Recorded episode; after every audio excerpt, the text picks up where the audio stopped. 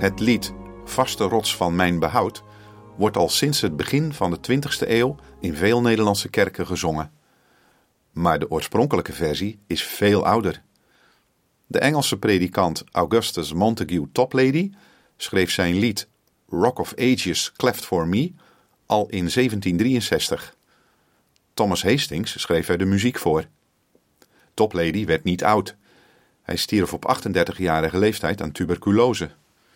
Zijn bekendste lied, Rock of Ages, werd pas rond 1900 in het Nederlands vertaald door Jacqueline van der Waals. In Nederland wordt het lied vooral gezongen op een Ierse melodie. Toplady werd enigszins bekend door zijn literaire werken en gezangenbundels.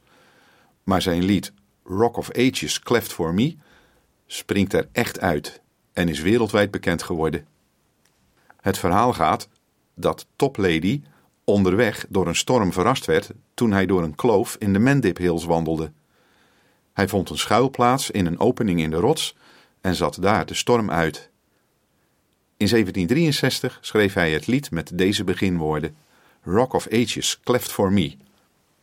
Het eerste couplet van het lied werd in 1775 gepubliceerd in het artikel Life, a Journey. Het complete lied verscheen een jaar later in het Gospel Magazine.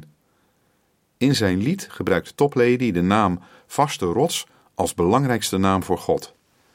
In het eerste couplet staat het bloed van Christus centraal, dat vloeide tijdens zijn dood aan het kruis, als de vergeving voor al onze zonden. Het tweede couplet focust op het feit dat we Jezus Christus nooit zullen kunnen terugbetalen voor dat geweldige offer aan het kruis. De doop is het thema van het derde couplet. Het lied gaat in het vierde couplet naar een climax met de vraag om genade, als we de dood onder ogen zullen zien.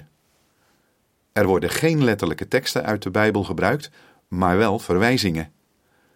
De schrijver verwijst bijvoorbeeld naar Exodus 33, vers 22, waar staat: En het zal gebeuren, als mijn heerlijkheid voorbij trekt, dat ik u in een kloof van de rots neer zal zetten en u met mijn hand zal bedekken, totdat ik voorbij gegaan ben. En ook Psalm 18, vers 2, waar staat: De Heere is mijn rots en mijn burcht en mijn bevrijder. Mijn God, mijn rots, tot wie ik de toevlucht neem. Mijn schild en de hoorn van mijn heil, mijn veilige vesting.